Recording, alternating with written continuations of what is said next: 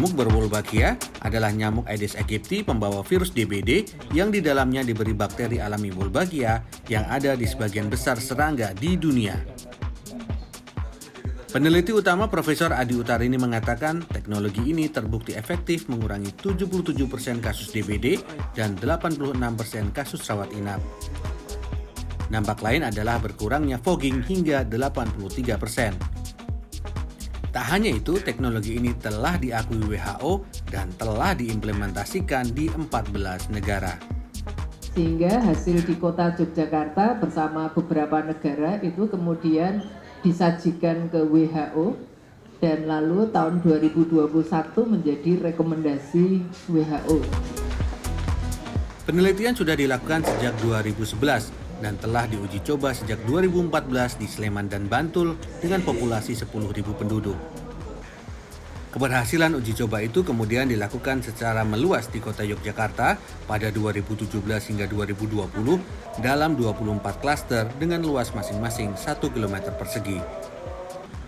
Salah satunya di Kampung Jetisarjo, Kelurahan Cokro Diningratan, Kecamatan Jetis, Kota Yogyakarta. Penyebaran nyamuk Aedes aegypti berwolbachia ini berlangsung selama enam bulan pada tahun 2017. Setiap tahun di kampung ini terjadi wabah DBD. Namun setahun setelah pengaplikasian teknologi ini, kondisinya berubah total. Populasi nyamuk Aedes aegypti berwolbachia di kampung ini sekarang diklaim Pusat Kedokteran Tropis UGM sebanyak 82 persen. Eh, pada periode saya sebagai ketua RW tahun 2099-2005 eh, itu ada dua kasus meninggal anak-anak dan dan pada 2017 itu satu orang uh, anak uh, uh, usia 8 tahun. Tapi sejak ditebari telur nyamuk uh, Aedes aegypti Borobolobakia itu uh, mulai dari 2018 sampai detik ini uh, November 2023 kita nol kasus. Sementara itu, Dinas Kesehatan Kota Yogyakarta mengaku telah menghemat anggaran DBD secara signifikan sehingga bisa dialokasikan untuk penanganan kesehatan lainnya. Sebelumnya, di tahun 2016 kasus yang terjadi di Kota Yogyakarta itu sangat tinggi 2016-2017 eh, mencapai lebih dari 1.700 kasus. Sementara di tahun ini di tahun 2023 sampai dengan uh, minggu lalu tercatat kasus hanya ada di angka 67. Jadi ini adalah uh, terendah sepanjang uh, sejarah di Kota Yogyakarta dan angka ini merupakan angka kejadian yang terendah satu seprovinsi daerah istimewa Yogyakarta. Terkait sejumlah polemik yang muncul dalam isu nyamuk Aedes aegypti berwolbachia ini, tim peneliti memastikan bahwa bakteri Wolbachia tidak akan berpindah ke hewan lain termasuk ke manusia. Sementara kekhawatiran nyamuk ini akan menyebabkan radang otak juga ditepis tim peneliti karena penyakit tersebut disebabkan nyamuk jenis lain yaitu Culex. Tim Liputan CNN Indonesia, Yogyakarta.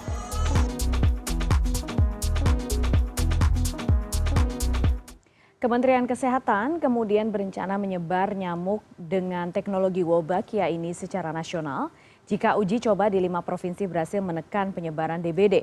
Namun di beberapa daerah masih ada yang menyaksikan seperti Anda saksikan informasi tadi, menyaksikan penggunaan teknologi ini.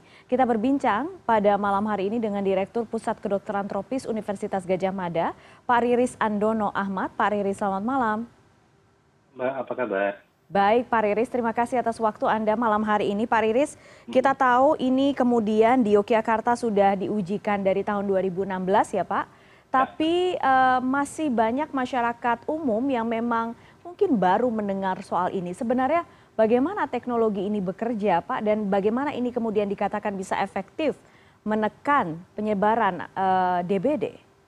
Oke, jadi uh, virus, eh, maaf, bakteri Wolbachia ini adalah bakteri alami. Hmm. Dia ada di sebagian besar serangga, hanya saja memang kebetulan tidak ada di uh, dalam tubuh nyamuk Aedes aegypti. Hmm. Bahkan di uh, tubuh Aedes albopictus yang merupakan sepupunya Aedes aegypti itu ada juga uh, bakteri Wolbachia ini. Hmm. Nah, ketika dia berada di dalam uh, tubuh nyamuk Aedes aegypti, ternyata peneliti menemukan bahwa dia bisa memblok replikasi virus dengue. Jadi kalau hmm. ada nyamuk aedes aegypti menggigit orang yang sedang sakit demam berdarah darahnya diambil ada virus yang masuk di dalamnya seharusnya dalam proses alamnya virus itu akan bereplikasi menjadi banyak sekali sebelum kemudian ditularkan nah karena ada bakteri ini virus tadi tidak bisa bereplikasi jadi sifatnya itu seperti vaksin bagi tubuh nyamuk. Nah kalau kemudian kita bisa membuat seluruh atau hampir seluruh populasi nyamuk itu ada wolbachianya mungkin kita mengingat zaman pandemi covid dulu kita sering mendengar istilah herd immunity. Ada kondisi seperti itu di dalam populasi nyamuk sehingga kemudian si virus itu tidak bisa menular kepada orang yang lain. Jadi kira kira cara bekerjanya itu seperti itu ya cara bekerjanya seperti itu ya. Lalu ada beberapa ketakutan. Kemudian dikatakan bisa berefek ke manusia memberikan efek yang langsung penyakit ke manusia bahkan sampai ke otak katanya. Itu bagaimana dengan hal hal seperti itu Pak Riris? Ya saya rasa pada saat ini ada disinformasi yang luar biasa sistematis di mana masyarakat diberi informasi-informasi yang keliru tetapi kemudian dicampur dengan beberapa hal yang terkait dengan nyamuk berwolbachia ini. Pertama bahwa tadi saya mengatakan bakteri ini hanya bisa hidup di dalam sel serangga. Jadi begitu dia keluar dari sel serangga dia akan mati. Nah kalau dia keluar dari sel serangga saja mati bagaimana dia bisa masuk ke dalam tubuh manusia? Yang kedua kemudian itu mencampurkan penyakit yang lain yang punya faktor atau penular yang lain dicampurkan dengan nyamuk aedes aegypti. Misalnya terkait dengan itu tadi radang otak yang di bali banyak disebabkan oleh virus japanese encephalitis. Nah virus ini ada karena dia punya reservoir atau apa namanya binatang yang memang juga menjadi inang berupa babi. Dan kebetulan di bali itu memang populasi babi cukup besar. Nah dia juga ditularkan oleh nyamuk tetapi bukan nyamuk aedes aegypti melainkan nyamuk kulex jadi ini adalah nyamuk yang lain yang membawa virus yang lain dan menghasilkan penyakit yang lain. Tetapi kemudian dicampur adukkan seolah olah bahwa aedes aegypti itu yang menyebabkan penularan virus japanese encephalitis tadi. Pak Riris kalau misalnya di Jogja sejak 2016 sampai sekarang dikatakan ada penurunan signifikan DBD itu kalau misalnya dijelaskan angkanya secara sederhana kepada kami seberapa besar penurunan itu Pak Riris? Oke, jadi misalnya gini, ada dua kelompok, masing-masing kelompok itu isinya seratus orang. Kemudian di satu kelompok diberi nyamuk berwolbachia. Nah, dibandingkan yang kelompok yang tidak diberi wolbachia, maka ada penurunan hingga 77 orang yang tidak terkena demam berdarah. Jadi ini sangat signifikan. Kemudian ditemukan juga bahwa dibandingkan yang tidak ada wolbachianya, ada penurunan hingga 86 persen orang tidak dimasukkan ke rumah sakit ketika dia sakit demam berdarah. Jadi ini juga penghematan yang luar biasa juga akan menurunkan angka kematian.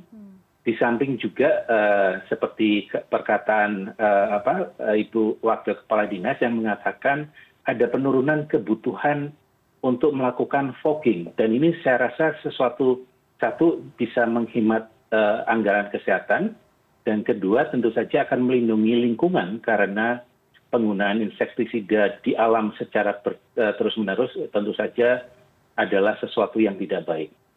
Pak Riris, tapi apakah apakah seluruh tubuh manusia atau kita semua ini akan merespon kepada gigitan nyamuk? Bagaimana kita akan merespon terhadap gigitan nyamuk yang ada wolbachianya? Jadi bisa digambarkan misalnya. Lalu dibedakan dengan yang ada lalu dibedakan dengan nyamuk aedes aegypti yang ada virus dengue-nya. Oke, tadi saya bilang bahwa Wolbachia itu adalah bakteri alami di dalam tubuh nyamuk. Kita manusia itu punya juga bakteri alami. nah sering kita itu minum juga mengkonsumsi bakteri misalnya kalau kita minum uh, susu probiotik Iya, nah ketika kita minum susu probiotik apakah perilaku kita jadi berubah. Apakah kemudian yang tadinya pemurung jadi penggembira kan tidak hal yang sama juga dengan nyamuk ini Hmm. sehingga ketika dia menggigit eh, hasilnya juga ap- apakah memberikan hasil yang sama Hmm. hanya berupa gatal dan kita juga merespon secara sama dengan eh, gigitan nyamuk baik yang berwolbakia ataupun tidak berwolbakia Hmm. yang membedakan adalah eh, ketika kita digigit oleh nyamuk yang berwolbakia Hmm. eh, dia tidak bisa menularkan virus dengue Iya, sehingga kita tidak akan eh, tertular dengue lagi. iya, iya. Oke, jadi sederhananya begitu ya Pak Riris. Tapi begini, Sederhananya begitu. ya sekarang kita sudah memasuki musim hujan, Pak Riris. Mhm, Eh, sebenarnya eh, waktu yang efektif untuk menyebarkan eh, pemerintah Kementerian Kesehatan kan berencana menyebarkan ini secara masif di seluruh Indonesia. Mhm. Sebenarnya waktu yang efektif untuk menyebarkan nyamuk berwolbakia ini kapan? Karena eh, supaya kemudian efektif bisa eh, apa ya memberikan dampak kepada eh, nyamuk eh, Aedes aegypti ini. Sebenarnya sama saja musim kemarau, musim penghujan. Hmm. Pengamatan kami di kota Jogja, kami melakukan monitoring nyamuk itu mulai dari 2015 sampai 2020. Sebenarnya populasi nyamuknya itu tidak berfluktuasi secara berbeda antara musim hujan dan musim kemarau. Hmm. Jadi baik musim hujan maupun musim kemarau relatifly eh, sama saja. Hmm. Yang eh, kemudian eh, terjadi adalah eh, kita perlu ketika melakukan rilis, kita akan melakukan rilis dalam periode sekitar enam bulan. Kenapa enam Hmm. bulan? Karena kita eh, agar mencapai level di mana kemudian eh, nyamuk itu bisa berkembang biak dengan alami dan akan bisa tetap ada di alam, itu membutuhkan eh, level sekitar 60 persen. Ya, Dan ya. itu biasanya kita melakukan dua kali, eh, 12 kali pelepasan Mm-mm. dalam periode setiap dua minggu sekali. Oke. Sehingga 12 kali, dua minggu sekali, eh, itu eh, sama dengan sekitar enam bulan. Hmm, baik, ini mungkin metode ini nanti juga bisa digunakan oleh daerah-daerah yang berencana untuk menyebarkan nyamuk Wolbachia ini ya. Eh, terakhir Pak. Riris, kalau misalnya sekarang masih ada penolakan, bagaimana sebaiknya pemerintah sekarang bersikap? Mungkin ada ada ada saran untuk pemerintah baik soal komunikasi karena ini mungkin dinilai sebagai hal yang baru dan tidak biasa. Betul. Eh, ada beberapa hal yang bisa eh, eh, dijadikan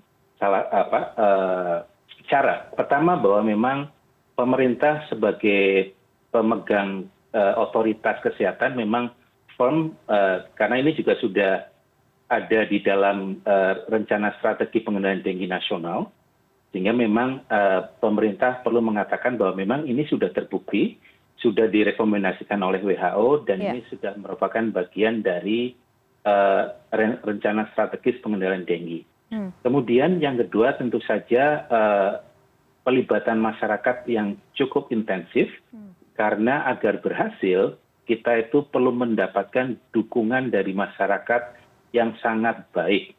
Ini prasyarat utama. Kami dulu di Jogja eh, misalnya selalu mencoba apabila ada berbagai macam concern dari masyarakat, kita akan merespon dalam waktu satu kali 24 jam.